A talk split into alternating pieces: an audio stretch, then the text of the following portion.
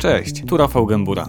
Jeśli jesteś głodny historii, po których nic już nie będzie takie samo, polecam Ci moją książkę. Zajrzyj na oczy.altenberg.pl i zamów swój egzemplarz. Tymczasem zapraszam na wywiad. Mając 20 lat, zostałeś ratownikiem Topru. Jesteś nim do dzisiaj. Co się w tym czasie zmieniło?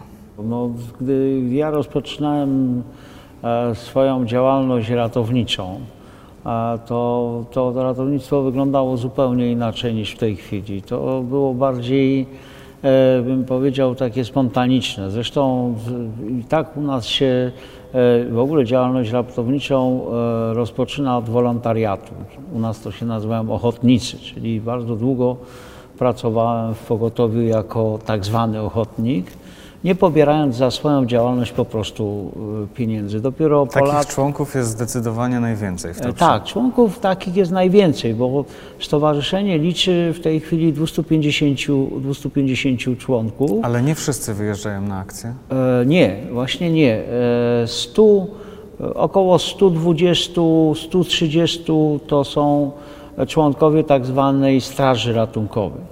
E, to są ludzie, którzy, którzy spełniają te wymogi, które e, no, należy spełnić, żeby móc ratować, czyli odpowiednio, e, odpowiednio przeszkoleni, z odpowiednim e, uprawnieniami medycznymi, e, również, również po prostu z odpowiednim zdrowiem, bo koledzy, którzy są już starsi, którzy nie mogą pełnić tej funkcji, nie mogą ratować w górach, no nie przestają być ratownikami, bo oni w dalszym ciągu tymi ratownikami są, wspierając to pogotowie, e, każdy na swój sposób, każdy na tyle, ile potrafi, natomiast już nie, nie są w stanie jakby tych, tych, tych wymogów spełnić. Także jest nas y, około 120. Ja mówię około, dlatego że to zawsze gdzieś się. tak zmienia. I spośród tych 120, 38 jest ratowników, którzy są na etacie. Oni wszyscy mają takie same uprawnienia, natomiast te, ta 38 to są ludzie, którym się po prostu za to płaci. Mhm. Po ilu latach ty zostałeś zawodowym ratownikiem? No, w moim przypadku to było dość długo, dlatego że e, ja zostałem zawodowym dopiero po 30 latach. Po 30 latach działalności zostałem zawodowym e, ratownikiem. Wcześniej, wcześniej pracowałem e, na tak zwane sezony. To są sezony e, w okresie zimowym. My po prostu potrzebujemy więcej ratowników z uwagi na to, że obstawiamy również stoki narciarskie. No i wtedy pracowałem na sezon, ale tak na taki pełen etat, no to przyszłem po, po, po 30 latach bycia ratownikiem, działania jako ratownik. Mhm. To jeszcze dopytam o tę organizację. E, Jest około 120 osób, które wyjeżdżają na akcję, 38 mniej więcej to ci zawodowi. A jak funkcjonują pozostali? Bo domyślam się, że nie ma ich codziennie. E, No nie, to znaczy to jest tak, że na, nawet tych, którzy wyjeżdżają na akcję, tych e, nie ma tych ochotników, nie ma e, jakby codziennie. Oni mają obowiązek wypracowania 120 godzin działalności na rzecz pogotowia rocznie. No to by się wydawało przy dyżurze 12 godziny to jest raptem 10 dni, no ale to jest 10 dni, m, można powiedzieć, wyłączone z życiorysu. Jeżeli ktoś ma rodzinę, prowadzi, y, prowadzi y, swoją normalnie, jest aktywny zawodowo, no to jemu jeszcze te 10 dni wy, wysupłać ze swojego kalendarza jest trudno, powiedzmy sobie szczerze. A są ludzie, którzy wypracowują nie 120, a 500, 600 godzin dyżuru rocznie. No więc to trzeba rzeczywiście mieć, e, bardzo się poświęcić temu z dużym samozaparciem. I tu trzeba powiedzieć, że gdyby nie koledzy, którzy pracują właśnie jako wolontariusze, właśnie przychodzą na te dyżury e, nie po to, żeby zarobić jakieś pieniądze, e, to, no to pogotowie by nie istniało, to nie, nie byłoby możliwości. Natomiast pozostali ci, którzy już nie spełniają jakby tych wymogów, które im pozwalają na tą działalność, głównie to jest kwestia wieku, y, kwestia zdrowia, no to pozostali po prostu wspierają to pogotowie, tak jak powiedziałem, każdy na, na swoją y, jakby y, na swoje umiejętności, na swoje możliwości. Jasne. A to czasami przyjdą gdzieś, trzeba załatwić jakieś sprawy administracyjne, a to gdzieś trzeba pojechać, a to coś trzeba załatwić, a to po prostu się spotkać z kolegami, porozmawiać. No, e, ja też wiem, że nie wiem, jeszcze kilka lat podziałam e, czynnie, a po, po, później już po prostu nie, nie będę mógł, no, ale dalej będę ratownikiem i dalej będę w pogotowiu górskim. A jak wyglądało te twoje e, 30 lat, kiedy musiałeś łączyć bycie wolontariuszem, domyślam się, z jakimś życiem zawodowym, aby się utrzymać? Jak ty to łączyłeś? No, trudno to było, ale jakoś się udało. No, były okresy, kiedy nawet nie spełniałem tych 220 godzin, nie byłem w stanie tego wypracować. Były takie okresy, gdzie mnie przez cały rok w ogóle nie było w pogotowiu.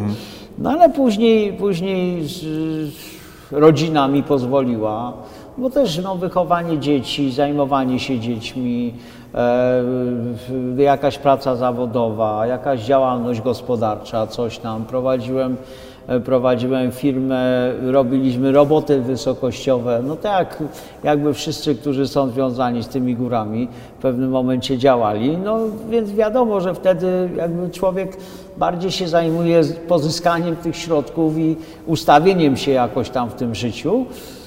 No a później jak się już troszeczkę ustawiłem, no to znowu wracałem do tego pogotowia, znowu tam, tam działałem. E, Ja mieszkałem, chociaż e, pochodzę z Podhala, jestem, jak to gadają, rodowity górol, no to, to mieszkałem przez wiele lat, mieszkałem poza Podhalem. Potem wróciłem z powrotem na to Podhale, no i, i znowu wróciłem do, Czyli bywało różnie i, Bywało i różnie, bardziej i tak, mniej tak, intensywnie. tak, tak. Pogotowie jest tak, taką, e, mówię pogotowie, to, mówię o TOPRze. E, jest, to jest taka instytucja, która e, zawsze jest otwarta na drugiego człowieka. To jest tak samo jak, jak z przyjęciem do, do, do, do TOPR-u. My, my nie zamykamy się, my nie mówimy, e, nigdy nie, nie powiedzieliśmy, ty nie możesz, ty się nie nadajesz. Nie, my zawsze mówimy, próbuj. Spróbujesz, zobaczymy. Musisz spełnić odpowiednie kryteria. E, musisz no, wykazać się swoim zaangażowaniem. Jeżeli się wykażesz, jeżeli spełnisz te kryteria, proszę bardzo, wszystko stoi przed Tobą otworem. Dlatego, e, dlatego u nas też nie jest tak, że jeżeli ktoś e, nie jest w stanie w danym momencie tych wymogów spełnić, e, to my go skreślamy. Nie, nie ma czegoś takiego. Jak ktoś przyjdzie i powie, słuchajcie, mam taki, taki problem, chcę, e, e, już sobie to załatwiłem, chcę wrócić, proszę bardzo. Teraz wraca do, do pogotowia po 20 latach, no może nie 20, no ale myślę, że w 15 latach kolega, który jest w moim wieku, no dokładnie, no ja mam 60 lat. No. I on, on, on wraca, bo on powiedział, on kiedyś pracował w pogotowiu zawodowo, ale on powiedział, ja chcę, chcę jeszcze na stare lata, jeszcze chcę działać, uważam, że jestem sprawny, że jestem dobry, chcę... No, proszę bardzo, Andrzejku, proszę bardzo, wracaj. Jesteśmy na to otwarci. Tak. E, Dopytam jeszcze jedną rzecz. Kiedy już człowiek zostaje tym zawodowym ratownikiem, czyli dostaje za to pieniądze z urzędu, e, czy to są pieniądze, które pozwalają godnie żyć, czy trzeba dorabiać? Bo różnie się Ja o tym mówi. tak, kto przychodzi do, do pogotowia górskiego e, po to, żeby się e, jakoś dorobić albo zaspokoić swoje aspiracje finansowe, to niech lepiej nie przychodzi. To nie, nie ma tak, nie ma tak. Każdy z nas y, pracujących zawodowo w TOPRze robi coś obok, obok tego. Jedni są instruktorami górskimi, inni są przewodnikami górskimi, jeszcze ktoś inny prowadzi działalność gospodarczą, która mu pozwala na to, żeby, żeby pracować. Z tego się nie wyżyje, nie utrzyma się rodziny. To nie ma, tutaj nie ma, nie ma y, takiej, takiej y, możliwości. Często bywa tak, że ludzi trzyma tam jakaś pasja, miłość do Znaczy tych nie gór. często, tylko zawsze. Zawsze. To zawsze, zawsze, zawsze to jest pasja. To nie, tu, tu, tu widać, no ja już tyle jestem w tym pogotowiu, że ja widzę na przestrzeni y, czasu, że jeżeli ktoś przychodzi do nas do Topru y, i nie jest to dla niego pasja, to, to on Wypala znika się. po jakimś czasie. Dlatego też u nas nie jest tak, że ktoś, ktoś przychodzi do Topru, od razu zostaje zawodowy. Nie, on musi, musi przejść ten etap, ten etap tej pracy jako wolontariusz i jeszcze wcześniej, nim się zostaje w ogóle ratownikiem, to jest tak zwany dwuletni staż, minimum dwa lata stażu kandydackiego. Dopiero po tym stażu, wtedy się robi wszystkie kursy i tak dalej, i tak dalej. Dopiero po tym stażu y, zarząd Topru, a tak naprawdę to wszyscy koledzy e, mówią, czy on się nadaje, czy on się nie nadaje. Czyli wcale nie jest tak łatwo się dostać. No, wcale, no nie jest tak łatwo się dostać. Poza tym część ludzi, nawet to tak jak powiedziałem, to nie my eliminujemy, ale poprzez to, że on musi pracować, on w tym czasie, kiedy jest tym, e, e, na tym stażu kandydackim, musi wypracować 240 godzin społecznie e, w roku, czyli jak jest mu ta ilość zwiększona, no to, to on sam, sam dochodzi do tego, czy on się do tego nadaje, czy nie nadaje. To, to jest kwestia no, stresu, to jest kwestia, no powiem wprost, no, na przykład, nie wiem, no, pakowania ciał i tak dalej, i tak dalej. No nie są to, nie są to przyjemne rzeczy. Jak się człowiek, młody człowiek z czymś takim zderzy i nie jest w stanie z temu sprostać, to on sam dochodzi do, jednak do wniosku, że nie, że to może nie, nie nie jest tak. Każdego roku podejmujecie kilkaset interwencji, 700, 800, bywa różnie. Jakie są najbardziej wymagające dla Ciebie osobiście? O, to wszystko zależy od tego, gdzie się, e, gdzie się w danym momencie jest. Bo mm, e, z czasem człowiek w tym pogotowiu y, przechodzi różne, zajmuje różne funkcje, różne stanowiska. Na początku jest się tym zwykłym ratownikiem, który chodzi, nosi, znosi, przenosi, czyli takim, tak można powiedzieć, takim tragarzem troszeczkę. Nie? Oczywiście no, trzeba mieć te umiejętności ratowania. Ja to troszkę spłycam, ale później, później już y, z czasem wchodzą e, funkcje, funkcje kierownicze. Najpierw się kieruje oddziałem ratowników w terenie, potem się kieruje całą wyprawą, a potem się jest kierownikiem dyżuru. E, Wraz z, z tymi funkcjami rośnie poziom odpowiedzialności i poczucia odpowiedzialności. Jednak, jednak e, całe, całe szkolenie ratownicze, które my cały czas się szkolimy, bo to nie jest tak, że ja nie wiem, już jestem tyle lat, to ja się już w ogóle nie szkolę. No nie, nie, to nie, nie jest tak, że ja zja- zjadłem wszystkie rozumy, no broń Boże. No to gdybym, gdybym się nie szkolił, to bym się cofał. Tak?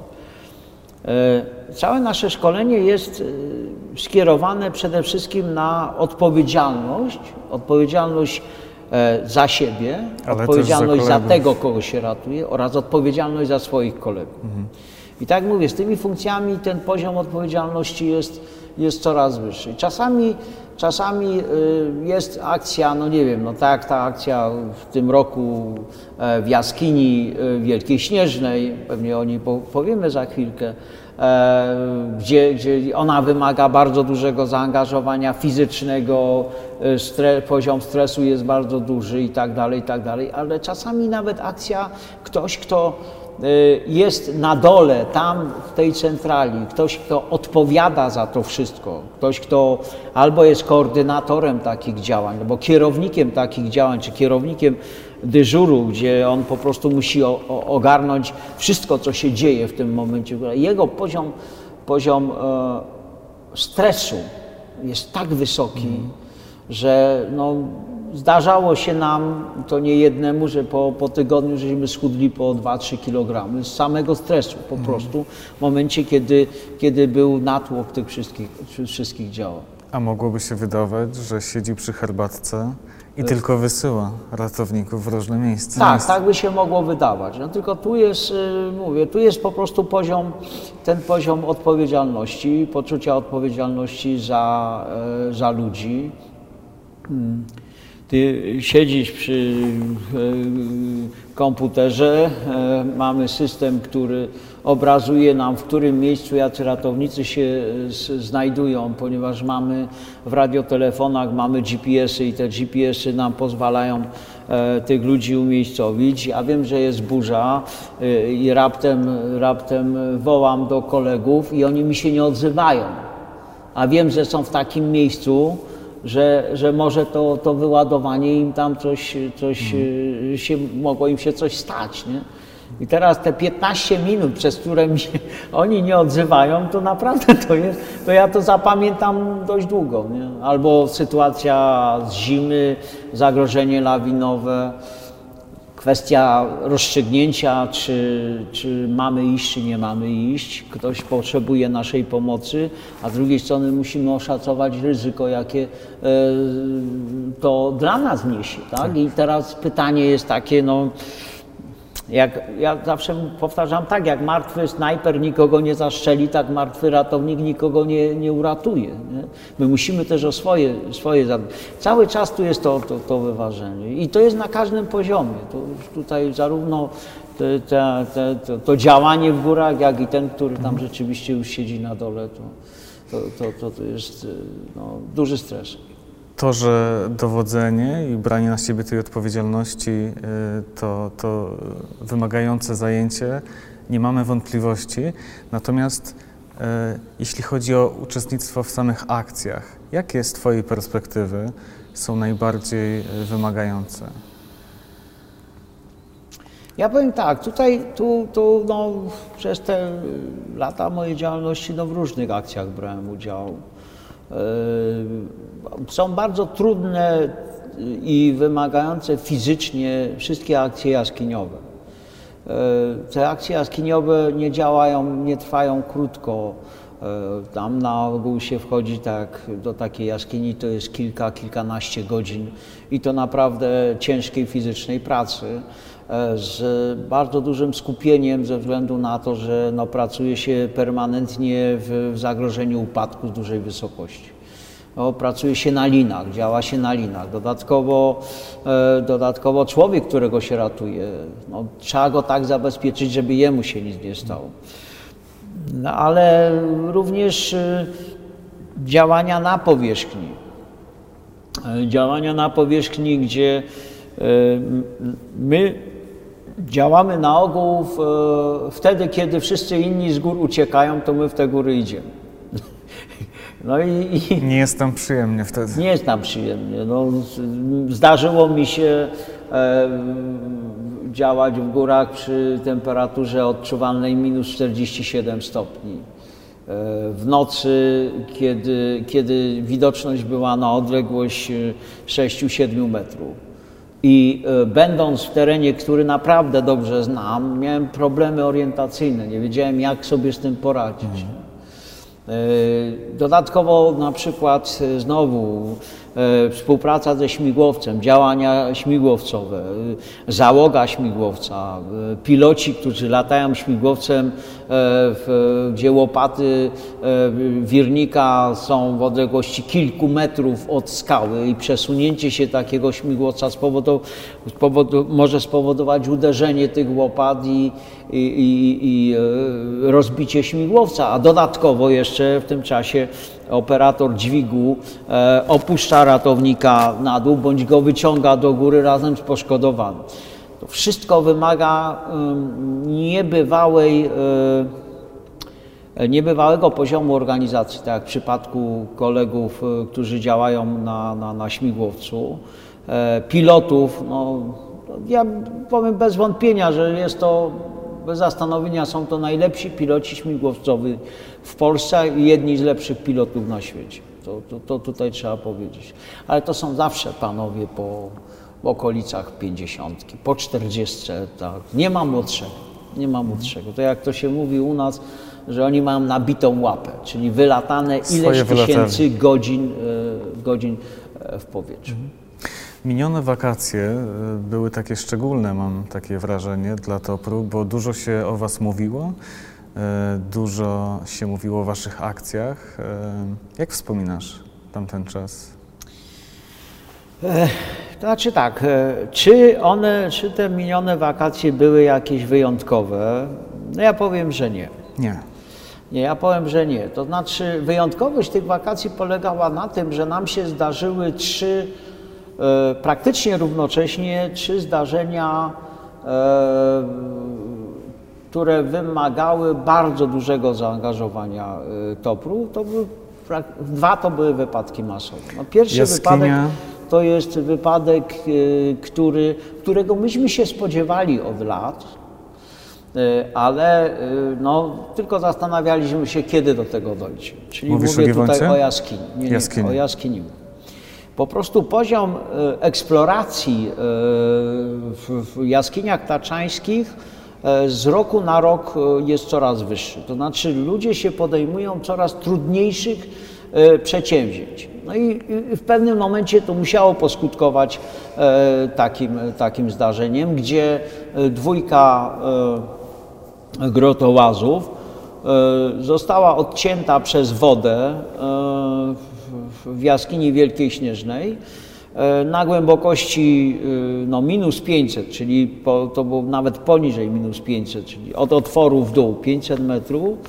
E, W tak zwanych przemkowych partiach to są bardzo ciasne, wąskie e, e, partie. No, przejście pod krzesłem to jest Okej. powiedzieć, tak? E, No i oni niestety w tamtym miejscu zostali odcięci przez wodę. Ona się niespodziewanie podniosła, tak? Znaczy to jest tak, ona się niespodziewanie podniosła, ale y, przyczyną podniesienia się tej wody była sama obecność tych rotołazów w tamtym miejscu. Czyli jest coś takiego jak cieki wodne, y, stróżki wody. To się wydaje stróżka niewielka, no ale jeżeli mamy do czynienia z niewielką przestrzenią, to nawet niewielka ilość wody może tą przestrzeń dość szybko zalać. Tak? E, Ta stróżka została, odpływ tej wody został po prostu przez to, że oni gdzieś tam przechodzili przytkany i zaczęła się to woda spiętrzać. E, Nie pozwoliło im to e, wrócić. No i wy prowadzicie wtedy akcję ratunkową, a jednocześnie jest informacja o burzy na Giewoncie. No to cz- cztery dni, żeśmy już działali w tej jaskini, kiedy dostaliśmy informację najpierw, że zostało kilka osób po, po, po, porażonych przez prąd, potem dostaliśmy informację, że trzy osoby są reanimowane, potem dostaliśmy informację, że się okazało, że jest kilkanaście osób e, e, porażonych przez prąd.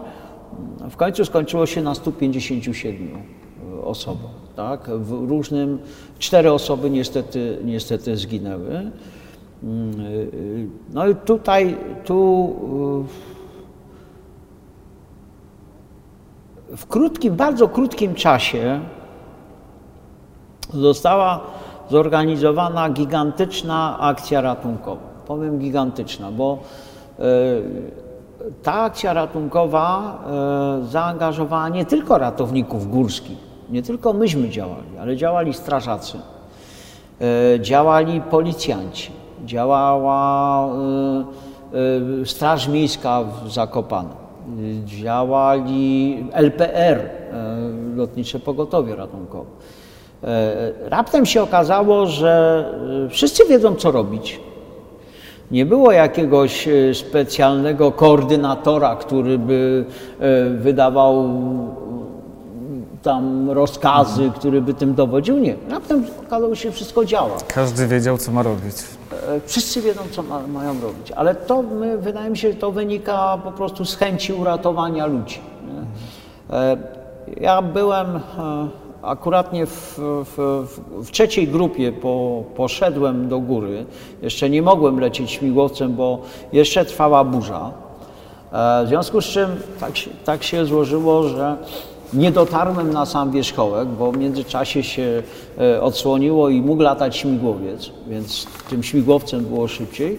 I do mnie, e, ja byłem na Kondratowej, przy schronisku na Kondratowej, do mnie docierali ludzie, którzy po prostu byli jeszcze w miarę mobilni. To znaczy, Oni zbiegali z Giewontu? znaczy zbiegali to jest, to jest y, za dużo, Za dużo powiedziane. powiedziane. Oni schodzili. Wyglądało to mniej więcej tak, jakby e, część ludzi y, schodziła po zamachu terrorystycznym. To, to do tego, to, to najlepiej do tego, do tego była sprowadzana. I proszę mi wierzyć, że e, ci ludzie byli w takim stanie, że gdyby nie to, że tam u góry byli ludzie, którzy byli w stanie jeszcze gorszym, to my byśmy się decydowali na ewakuację tych ludzi przy pomocy śmigłowców.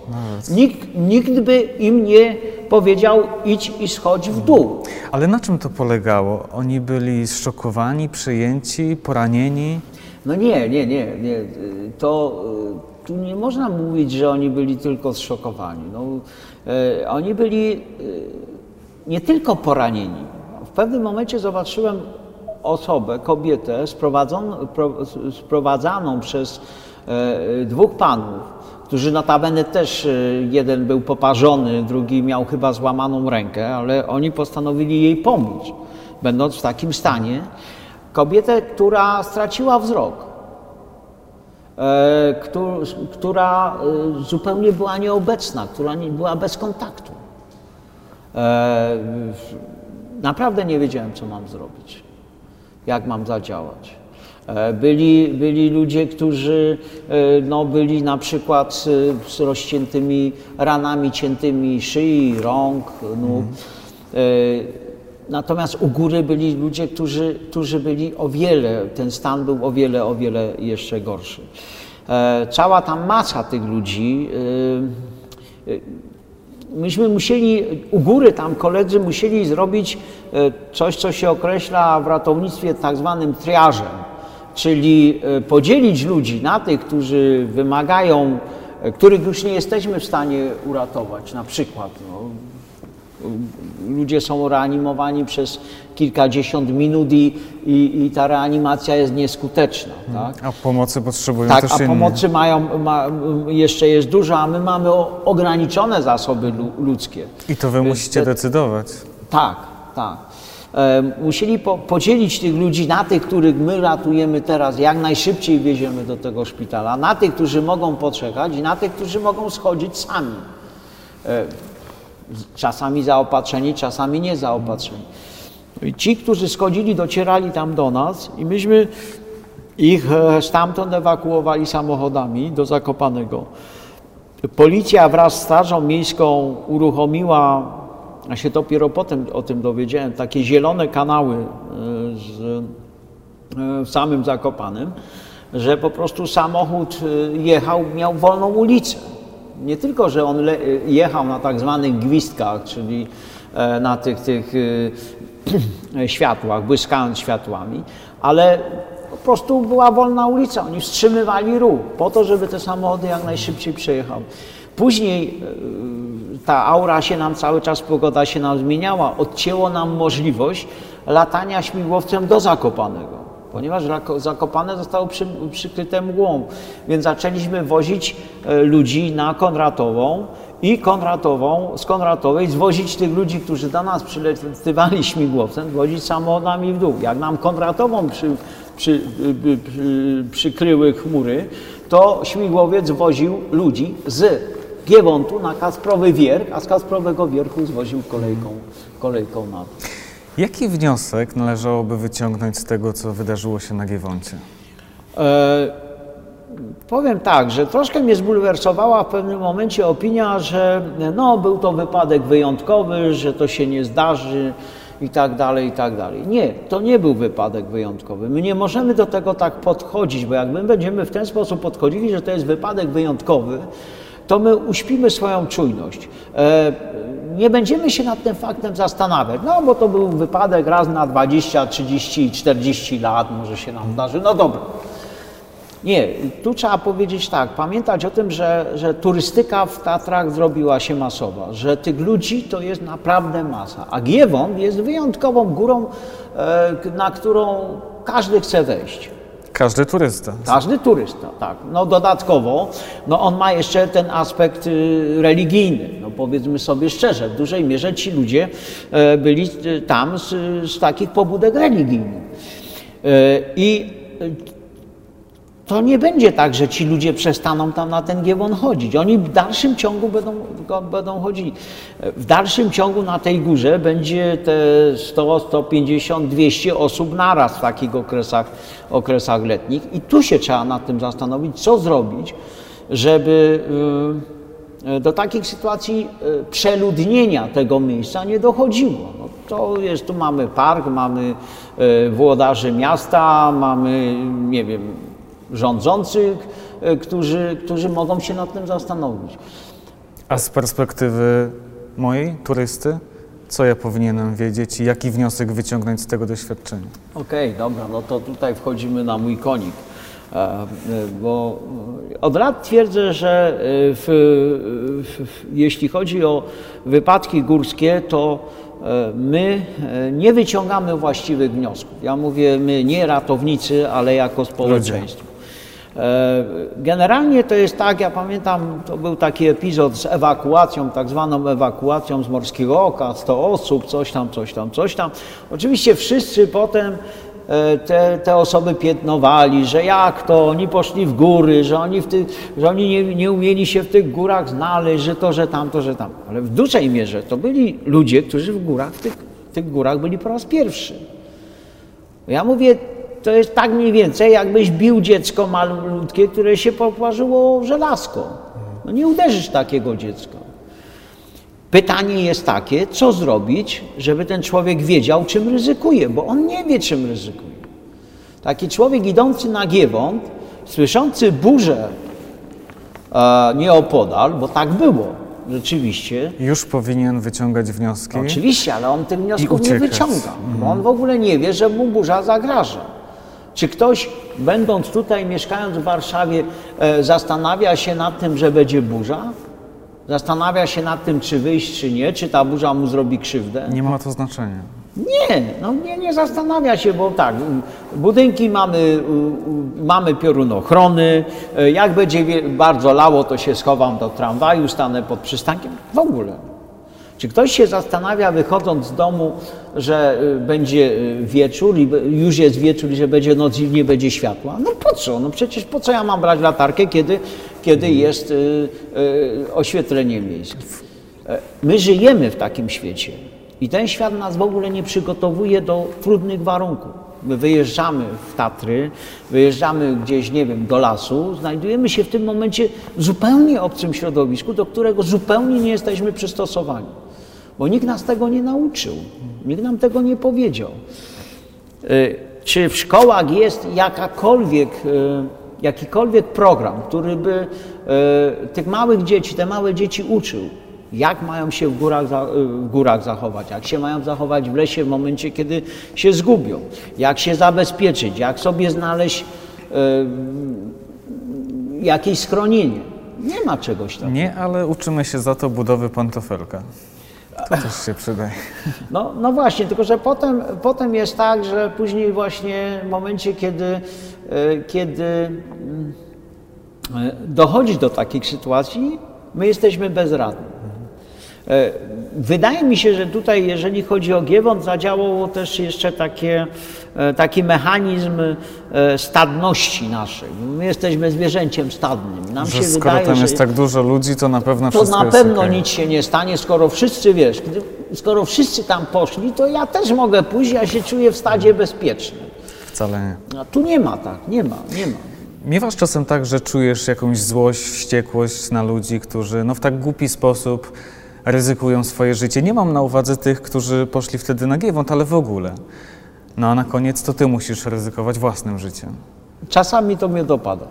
Czasami tutaj no, skłamałbym, gdybym powiedział, że nie, ale, ale na ogół to, to jest właśnie taka refleksja, że oni tak naprawdę nie wiedzieli, co robią. To, to wynika z, z, jego, z ich braku świadomości, że gdyby oni mieli tą świadomość tego ryzyka, jakie podejmują, to zapewne by do tego, do tego nie doszło. Więc po tej refleksji bardzo szybko odzyskuję równowagę, no ale przyznam się, że czasami tak. Zdarzyło ci się komuś, powiedz szczerze, nawrzucać? Facet, co ty, co ty wyprawiasz? No, to była taka sytuacja, parę razy mi się zdarzyło, ale to opowiem dość taką anegdotyczną historię, kiedy w okresie, kiedy była, w zeszłym roku była powódź, to w zeszłym roku czy dwa lata temu, już nie wiem, taka powódź w Tatrach, gdzie pozrywało drogi i coś tam, coś tam, myśmy dostali wiadomość, że poniżej Giewontu jest pani, która złamała nogę. No, pojechaliśmy od strony e, Doliny e, Małej Łąki. E, szlakiem szedł już potok. Nie dało się tamtędy iść. Z dużym trudem wyjechaliśmy kładem do góry.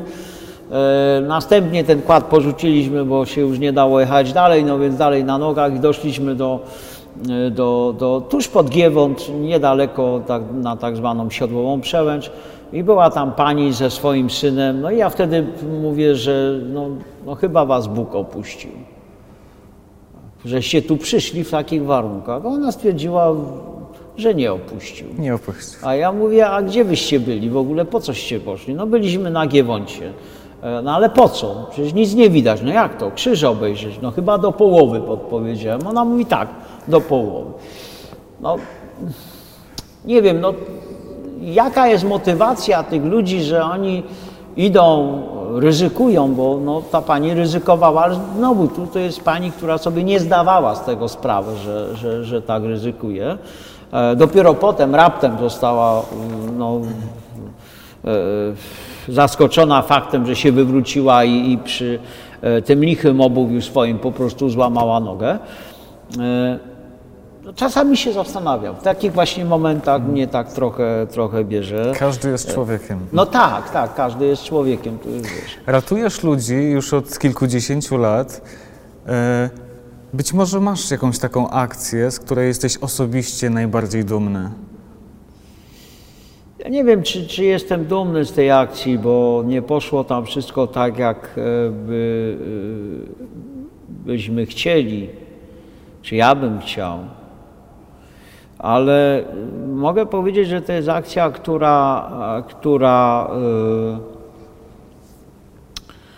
e, po której ja się poczułem jako spełniony ratownik.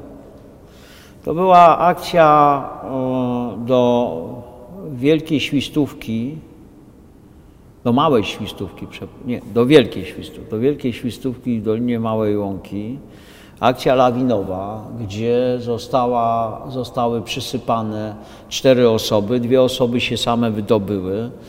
Y, jedną osobę wydobyto, jedną dziewczynę wydobyto, ale e, niestety nie przeżyła tego. Drugą y, dziewczynę w momencie, kiedy myśmy tam doszli, były bardzo trudne warunki, nie ze, ze, względu na wiatr, nie mógł tam dolecieć śmigłowiec. Mieliśmy duże problemy, żeby się w ogóle tam dostać w jak najkrótszym czasie. E, w momencie, kiedy doszliśmy do, do, mm, do tamtego miejsca, e, dziewczyna Kasia została wykopana spod śniegu. Myśmy doszli jakby na końcówkę tego wykopywania. Ona jeszcze wtedy, e, wtedy e, miała funkcje życiowe, jeszcze wtedy oddychała i, i, i miała tętno. A skąd wy wiedzieliście, gdzie kopać? Jakieś e, czujniki? Znaczy, myśmy, znaczy oni po prostu, ta, ta lawinka była niewielka, oni, ci współtowarzysze i grupa, która była tam obok, oni ją zlokalizowali, także Także myśmy już jakby nie musieli jej, jej, lokalizować. Ale problem polegał na tym, że w tych bardzo trudnych warunkach, zarówno pogodowych, jak i terenowych, e, Kasia się nam zatrzymała e, z powodu głębokiej hipotermii. E, zatrzymała się praca serca i ona nam po prostu zaczęła umierać. Rozpoczęliśmy reanimację, resuscytację. I rozpoczęliśmy transport w bardzo trudnych warunkach, ciągnąc ją na noszach. I kolega na niej siedział i cały czas ją reanimował. To trwało przez cały okres reanimacji, bodajże przez 4,5 godziny. Przenosząc ją ponad drzewa, popod drzewa, przeciągając i tak dalej, i tak dalej. E, potem zostało to e, E, została ona przekazana do karetki pogotowia, która czekała na nas na, e, Kirach. Później, e, później e, ta, ta karetka pogotowia przewiozła ją na lądowisko, do, bo to już była noc e, i nasze lądowisko jeszcze nie było przygotowane do działań w nocy. E, Karetka przewiozła ją do, do, do Nowego Targu, stamtąd ją do, z Nowego Targu wziął, wziął LPR e, i przewiózł do Krakowa i e, do Centrum e, Leczenia e, Hipotermii Głębokiej, do Tomka Darochy, doktora e, Tomasza Darochy. E, Tomek się nią, się nią zaopiekował. Podłączono ją tam do specjalistycznego sprzętu. Temperatura w szpitalu zmierzona, temperatura wewnętrzna ciała e, wynosiła 16 stopni. Tu chcę powiedzieć, że jak ja przychodziłem do Topru, to mnie uczono wtedy, że jeżeli temperatura wewnętrzna ciała człowieka e, jest poniżej 15 stopni, to znaczy, że możemy uznać takiego człowieka za zamarzniętego Tu i odstąpić od 16. jakichkolwiek czynności. To było 16 i to już w szpitalu. Tak, i to już w szpitalu. Tutaj ten jeden element pokazuje, jak, jak to wszystko się zmieniło przez ten czas, który, którym ja, ja w tym pogotowiu górskim działam. A jak to się skończyło? Co z Kasią?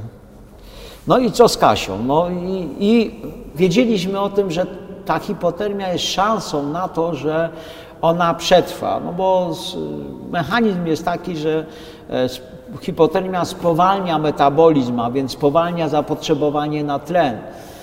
No i to wyczekiwanie do tego, do, na ten poranek, informacja od, od e, z Krakowa, że ona jeszcze żyje, że potem informacja, że serducho podjęło działanie, że po, po ogrzaniu to serce zaczęło bić. E, Ona samodzielnie żyje, aczkolwiek jeszcze nie wiadomo, co jest z mózgiem, bo jest e, w, w tej śpiące farmakologicznej. Później po kilku dniach informacja, że się wybudziła, że jest problem z nerkami, ale tak generalnie jest wybudzona i potem filmik, który, który dostaliśmy, króciutki, gdzie widzimy ją, drobną dziewczynkę idącą korytarzem w szpitalu. Dużym problemem, jeszcze dużym problemem. I wtedy sobie y, pomyślałem, że chciałbym się z nią kiedyś spotkać. Chciałbym się z nią napić kawy. Udało się? E, tak, udało się. Mało tego, e, regularnie się spotykamy. Jak w amerykańskim filmie. Jak w amerykańskim filmie. Andrzej, wielkie dzięki za rozmowę, dziękuję za spotkanie. Dziękuję no i dziękuję Ci za Twoją pracę. Dziękuję.